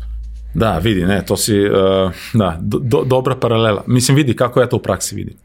Um, zavisi od slučaja do slučaja, uh, sa nekima, sa nekima smo, pazi, to jeste taj neki odnos je jako, jako je tanka linija između, kako bi rekao, to treba da bude naravno profesionalno, sa jedne strane treba da bude partnerski, treba da bude podrška, dovoljno otvoreno, ali još uvek, znaš, vezani smo ugovorom, mislim, nismo, nismo, uh, nismo, drugari. nismo drugari, da, da. Tako da je to nekakav ono, um, ta, jako mali je taj presek um, kako bi rekao, okolnosti uh, gde to može dobro da se poklopi, ali kao što si, kao što si rekao, mislim, mi smo tu, želimo da, želimo da budemo tu, sa nekima bolje radimo, sa nekima manje dobro radimo, mislim, nije, nije nisu sve priče i, i sva partnerstva idealna, tako da negde ne znam kako bi rekao, znaš, želimo da se uključujemo u one stvari gde možemo da dodamo vrednost. Jasno. Tačka. Znači, ne, ne želimo nikad da se mešamo u neku dnevnu operativu ili da budemo pametni oko nekih stvari o kojima nemamo pojma, nego da stvarno želimo da prenesemo to znanje koje smo dobili u investicijama u prošlosti, da skratimo neko vreme učenja, da možda izbegnemo neke greške. I ono što je mislim da jako bitno, da možemo da pružamo neki network i ostalih foundera koji mogu da dele tu neka znanja i iskustva, jer te greške se ponavljaju, znaš, svi nekako koji prolaze put, često se te, ti izazovi, greške, problemi um, su slični i tu može dosta stvari da se, da se izbegne. Ima tu jedan magičan moment koji ja stalno pričam, iako me užasno frustrirala LinkedIn u poslednje vreme, Dobro. jer je beskreno, beskreno dosadan i svi su uzeli da pišu content na LinkedInu kome apsolutno tamo nije mesto, ali LinkedIn ima taj jedan magičan feature, a to je kad nekog ne znaš, kad uđeš na profil i vidiš koga zna. Da. I imaš ono, uh, one step of separation ili two steps of separation. I ti sada znaš koga treba da pitaš da te upozna sa nekim. I to je neverovatno neverovatno je do koga možeš da dođeš tako što znaš nekog ko zna nekog. I pre 20 godina su te osobe znale, ali ti nisi znao da one znaju. A sada kad imaš i online tu vrstu networkinga, ali i offline, kao ono, sedimo i kao, ljudi, je li ima neki način da dođemo do osobe X? I pitaš 20 ljudi, od 20 ljudi neko zna način da dođe. Znam ja čoveka koji zna čoveka, doći ćemo do osobe X. Samo nek, ono, treba mi pet minuta. Da, da, da li će da. od toga nešto da bude ili neće, ne znam, ali ja mogu da dođem do ne, neslučenih visina samo zato što postoji ta povezanost i poverenje koje, koje između ljudi, koje ja često volim tako da kažem između ljudi koji imaju isto diagnozu. Ne, ne, to, je, to, to, to apsolutno stoji, mada ja, evo, ne znam ako sam ikada koristio taj LinkedIn da sam zamolio nekoga da me negde povezuje, ali je super alat jer sam baš to, kao što si ti rekao, mislim da sam uzme, uzeo pre neko vreme taj premium koji stvarno ti daje dosta dobar visibility, ja sam krenuo da pišem uh, cold emails, znaš, to je krenuo sam da prodajem i upoznao sam se sa nekim ljudima, znaš, koji su, pazi, na, na deset tih mailova, osam ili devet ti ne odgovori ništa, ali jedan ti odgovori i ti napravi nešto, iz nule napraviš neki, ajde, meaningful, neki relationship, ka, kako bi rekao, tako da jeste, to je, Uh, I to je meni zadovoljstvo, nekako mene, i mene gura van zone komfora, znaš, da ti trebaš da se nateraš, da treba, ono, upoznaješ nekoga ko, koji je tebi interesantan, sa kojim vidiš da možeš nešto da radiš i otvoriš sebe, sebi neke nove, kako bi rekao, vidike, nek, neku novu širinu. I uvek je bio taj moment dok sam redovno išao na konferencije, sad više ne idem toliko, po, mislim dobro, bila je korona, ali i generalno ne idem toliko često kao što sam išao. Tako, ok, istražiš ko dolazi.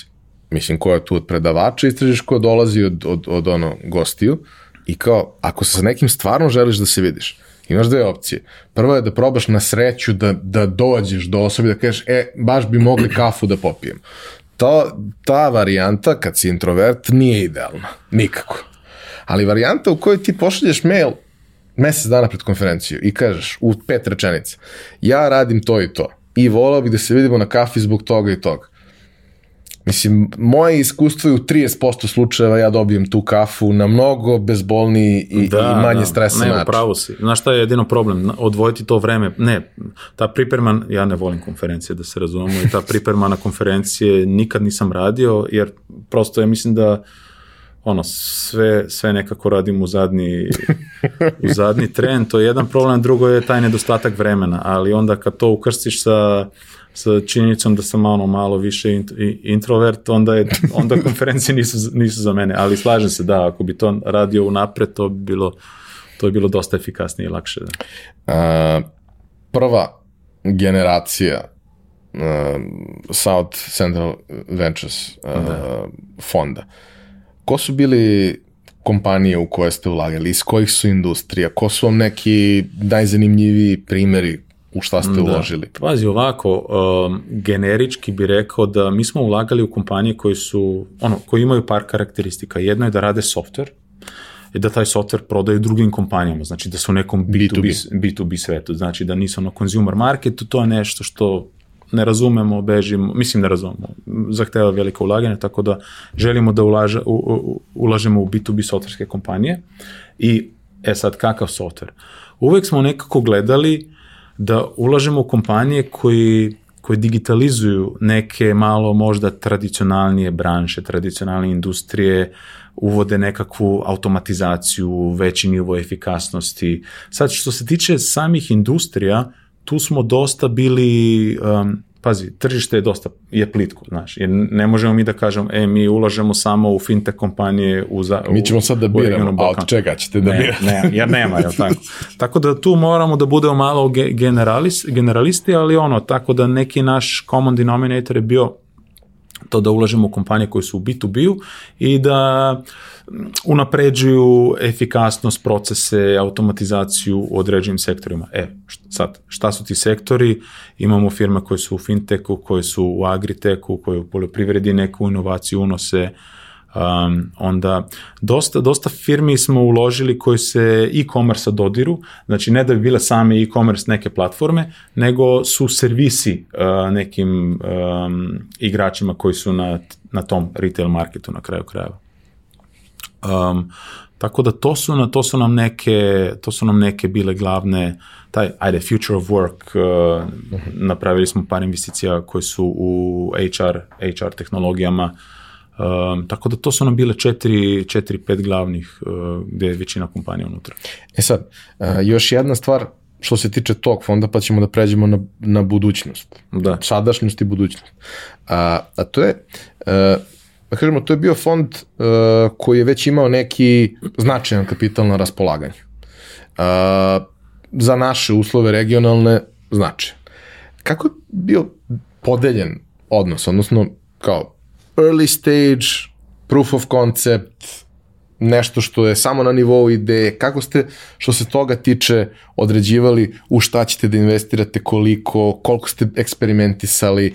Vi ste, da kažemo, posljednjate neke investicije koje ste pravili, pravili kad je već bio COVID počeo, pa je to bilo posebno interesantno ovaj, i za, za kompaniju koje ste već ulagali, koje je trebalo podržati na neki način da prežive COVID, mm. ali i kompanije koje su u COVIDu se Podigle. podigle, Da, da. da. pa im je bila potrebna podrška.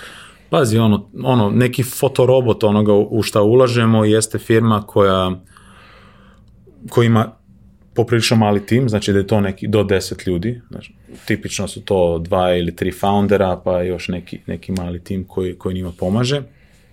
I to su firme koje imaju između 10, 15, 20 hiljada eura mesečnog nekog prihoda. Tako da, znači, imaju nekakvu validaciju na tržištu, znači imaju neke klijente koji su spremni nešto mesečno da im plaćaju, ali daleko je to od toga da bi to bila, znači, da bi znali kojim putem trebaju da idu, kako da se, koje tržište da se gađa, um, i kako da nekako iz tih 10-20 hiljada da dođu na 200 hiljada. Znači, nema, nema tog znanja, nego ima, imaju neki rani signali da postoji nešto što što tržištu treba, eto tako. Što bi rekao jedan moj prijatelj koji je takođe founder i ima partnera u svom biznisu.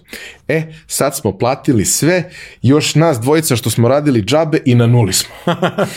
pa kao, dobro, ali na, nije poenta da vas dvojica vrhunskih inženjera radite džabe.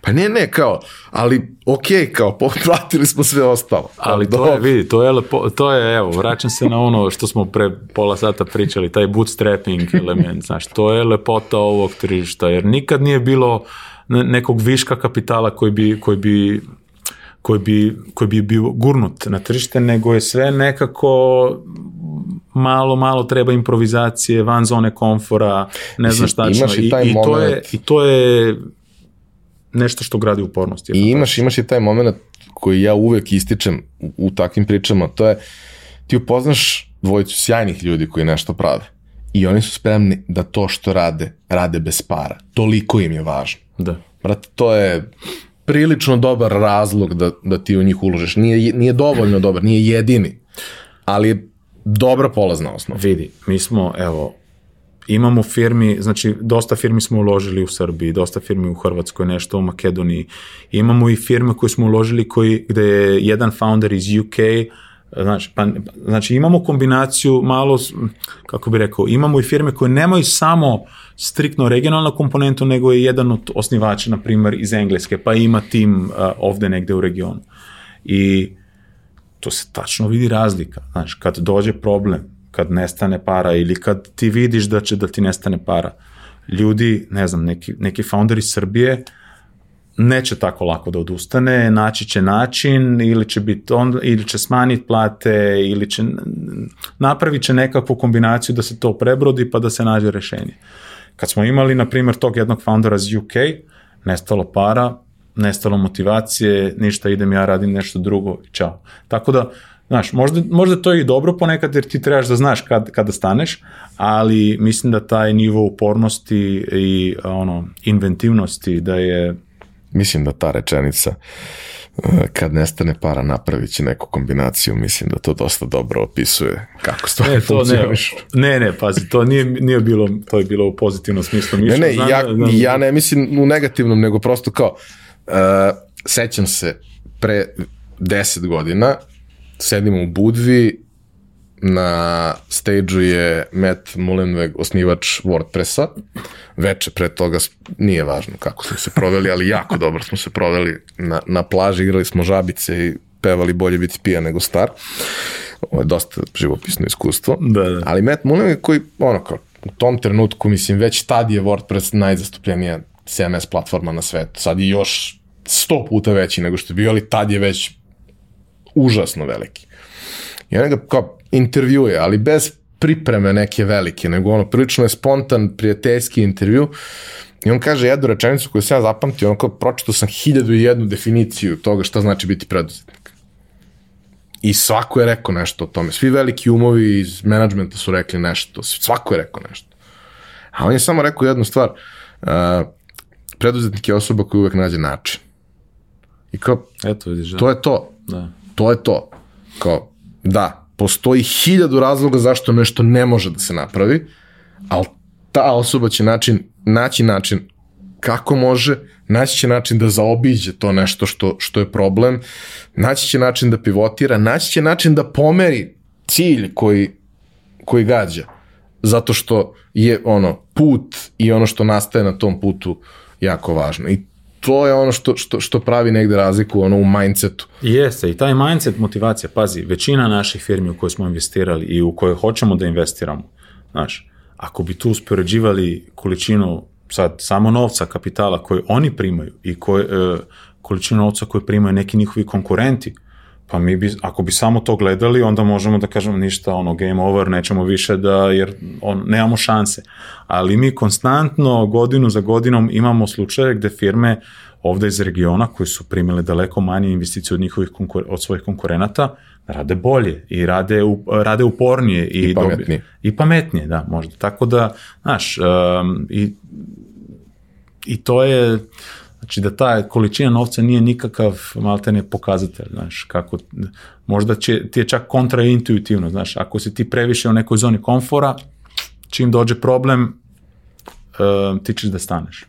Ja se sećam kad sam, a nisam imao pojma ni o čemu, naravno, bio sam klinac koji zna ništa, ali sam pregovarao o prodaje udela je jedan deo, drugi deo je dokapitalizacija kroz period od dve godine. Što razumeo? Ove, razumeo sam šta je, ali kao to je to. I sećam se jedne stvari kad su meni pitali kao, a ta dokapitalizacija kao, kako hoćeš, hoćeš odjednom ili kao iz delova i to se, ja kao, iz delova, jer ako mi daš odjednom, ja ne, ja prvo ne znam da upravljam tim novcem, kao imam 22 godine, mislim, kao, znaš, oti, otići ću, kupit ću Ferrari, ne, neću, ali kao, ali hoću malo. Da, da, da. Ovaj, ne, ne, vi ćete meni, ono, napravit ćemo milestone i kako koji milestone, i to, i to je njima bilo sjajno. Ono, mislim, ukupna količina novca je bila smešna za veličinu njihovog fonda, pa je samim tim njima bilo lakše pusta jednom nego da se bave time. Da, da. A kao, napravit ćemo milestone ja ću se potruditi da ih napravim realistično tako da ne, nema velikih gepova, da ne dolazim u situaciju da nema čega da isplatim plate i tako dalje. Plus, nama je cilj bio da za godinu i po dana postanemo profitabilni,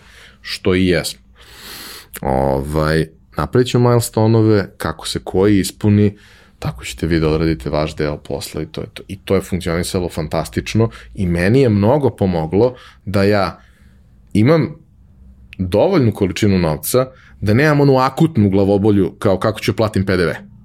Ne, ne postoji problem kako ću platim PDV, ne postoji problem kako ću da isplatim plate, ali postoji problem da ako ne uradim šta treba za tri meseca neću moći da uradim ništa. Da, da. I imam tri meseca da ostvarim to što je zacrtano, zašto mi treba dva meseca. Fajn, ok, idemo korak po korak i pavimo rezultat. Mislim, bio sam klinac koji ne zna ništa. Ne, ali imao bio si bi mnogo mehanizam pametniji. samo kontrole. Ne? Ali, znaš, na neki način sam se trudio da ja to sebi postavim tako da, da ta priča ima smisla. Uh, ciklus jedan je za, zatvoren, dalje se, da kažemo, postoji dalji životni put tih kompanija, Jeste, da. izlazni, izlazna priča za sve njih. Međutim, a, prošle godine je krenula priča o tome da krećete u novu rundu i da ovoga puta ćete još ozbiljnije raditi na tome sa još većim ambicijama, čekali smo, dogovarali smo ovo gostovanje, da se desi onog trenutka kad je već to tako da ste vi ready to go. I kada je objavljeno da ste ready to go, čuli smo se da se vidimo i da napravimo priču. Šta je cilj drugog ciklusa? Pa vidi, cilj drugog ciklusa je da, um, da napravimo još uspešnih priča ovde iz regiona koje, koje su, da kažem, krenule iz maltene iz nule i izdominirale neku globalnu nišu. Znači da, kako bi rekao, da radimo još više, da ponavljamo to što smo sad radili, da izbegnemo neke greške koje smo do sad uradili i da to što želimo da uradimo, da uradimo brže. Znači, ali u osnovi cilj ostaje da investiramo u tehnološke startupe u regionu.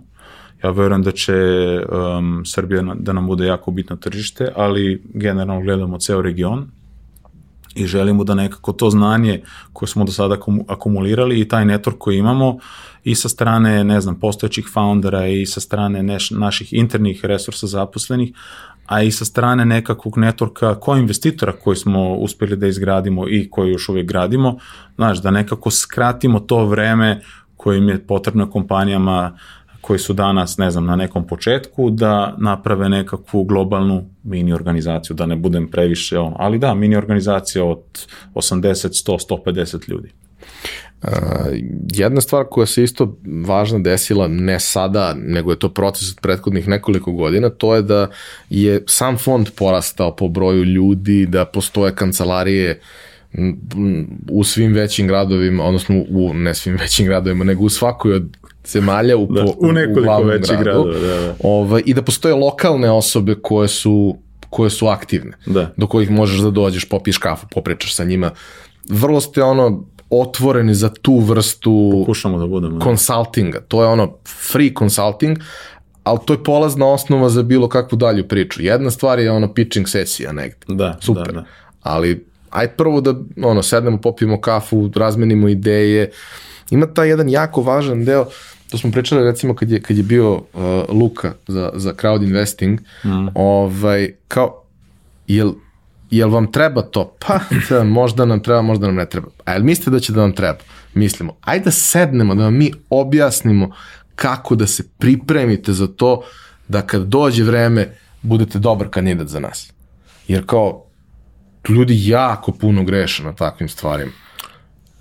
Jeste, i vidi, to je, znači, i to je jedan jako bitan deo procesa. Na, našeg procesa, da kažem, procene u šta investirati, u šta ne investirati. Nama jako, mislim, mi smo investirali, vidi, u neke ljude koje smo zdali dve, tri, četiri godine, pa oni nisu bili u nekom fundraisingu, ali su radili na nečemu i onda kad su bili spremni, onda smo mi krenuli da pričamo i onda smo dogovorili.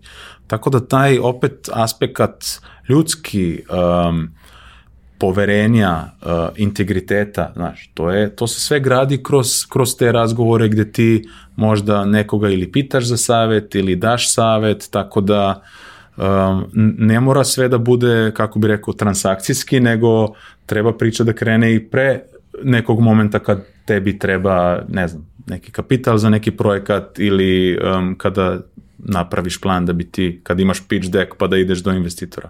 Možda da pričaš sa investitorom pre nego što imaš pitch deck, da ga malo pitaš, ok, kako razmišljate, um, šta tražite, šta vam je nekako, znaš. Pa malo i, i šta tražite, a malo i šta dajete.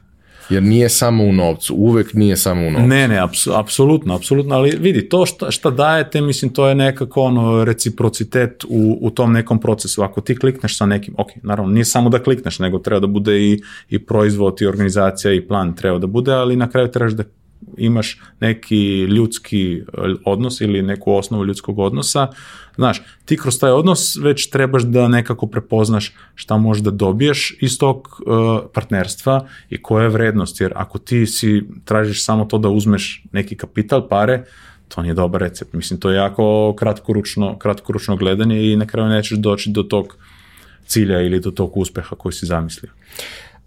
Recimo da neko ima pitch deck, da je preskočio ovaj deo konsultacije da, da. i svega, možda opravdano, možda neopravdano, nije važno. Uh, šta je proces, odnosno na koji način treba da vam se obrati i kako ide u idealnom scenariju? Ajde, da. Kako ne. ide to je dobar, dobar reč, da, pa nadalje? Vidi, svaki koji želi nekako da podigne neku rundu finansiranja, ok, u pitch decku tre, pitch deck treba da sadrži neke osnovne informacije šta zapravo rade, šta je proizvod, šta je tim, koje je tržište, šta je neka trakcija. Trakcija se podrazume, ok, šta ste do sada uradili, ako imate neke, ne znam, testne klijente, koliko su vam plaćali, koji su bili problemi. Znaš, da daš nekakvu generalni okvir da čoveka upoznaš, da investitora upoznaš sa, sa time što imaš i kakav ti je plan za dalje. Onda, pazi, onda mi krenemo uh, u nekakvu inter, u neki interni proces gde gledamo ako nam je neki pitch deck interesantan, onda radimo mi malo te svoje interne analize i pogledamo, ok, da li tu zapravo postoji tržište, ko su konkurenti, koliko je ovo tržište veliko, da li je ovo rastuće tržište, da li je ovo uh, padajuće tržište. Tako da mi malo napravimo u fondu domaći zadatak da se sami sa svoje strane upoznamo sa, uh, sa tim što, što, što firma radi. I onda krenemo u nekakav proces, ono, par iteracija ili su to neki, kako da kažem, sastanki, gde, znači, gde sami sebi odgovaramo na pitanja koje nam se u tom procesu pojavljaju. I um, time se sve bolje i bolje upoznajemo sa biznisom, ono što je bitnije, sve bolje i bolje se upoznajemo sa, sa founderom i tu nekako onda dođemo do, do momenta da li mi, i, i pazi, to vremenski gledano, to traje između ne znam, između jedan i nekoliko meseci, znaš, to nije, nije preko noći, ali nije ni, nije ni predugo, ali na primjer u nekom idealnom scenariju posle mesec, dva, tri, mi dođemo do te odluke da li se vidimo o tome da li želimo da investiramo ili ne. Ako je tu odgovor da, onda mi krenemo sa pripremom nekakve, da kažem, ponude sa naše strane, gde mi kažemo, ok, mislimo da biznisu treba toliko kapitala, um, to su neki uslovi pod kojima bi mi spremni da ulažemo i onda krenemo neke, neću da kažem pregovore, nikad nisu to bili nekakvi pregovori, ali da, mislim, trebamo da usaglasimo um, uslove pod kojima mi ulazimo u to, u to partnerstvo. I onda kad to usaglasimo, onda, um, onda šaljemo novac. I onda se kupuje Ferrari. Da. Šalim se. Da. Ovaj, ne, ne, ne, kažem, nemojte da traje, da kupite Ferrari. Traje par da meseci, traje, traje par meseci, znaš, da se mi upoznamo sa biznisom, sa ljudima i nekako ono, da mi dođemo sami kod sebe uh, do nekakve rezolucije da li ovo da, ne. Ako je da, onda ono, damo ponudu, usaglasimo tu ponudu i onda kad tu ponudu završimo, onda pravimo još ono malo detaljniji pregled čisto ugovora IP, ali to je možda malo više, više, da kažem, formalni deo procesa, ali naravno treba da se desi. Obično, kažem, to je 3 do 6 meseci. Pa jeste, da. Može bude kraće, Može u da idealnim bude. okolnostima, da, ali, ali 3 do 6. 3 do 6 meseci je negde realistično. U 90% slučajeva, da, da. Dobro.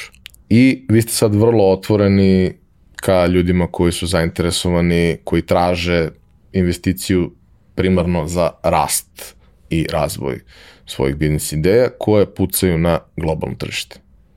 Jeste. Da. Dobro sam je to. Da, okay. da, da. Dobro.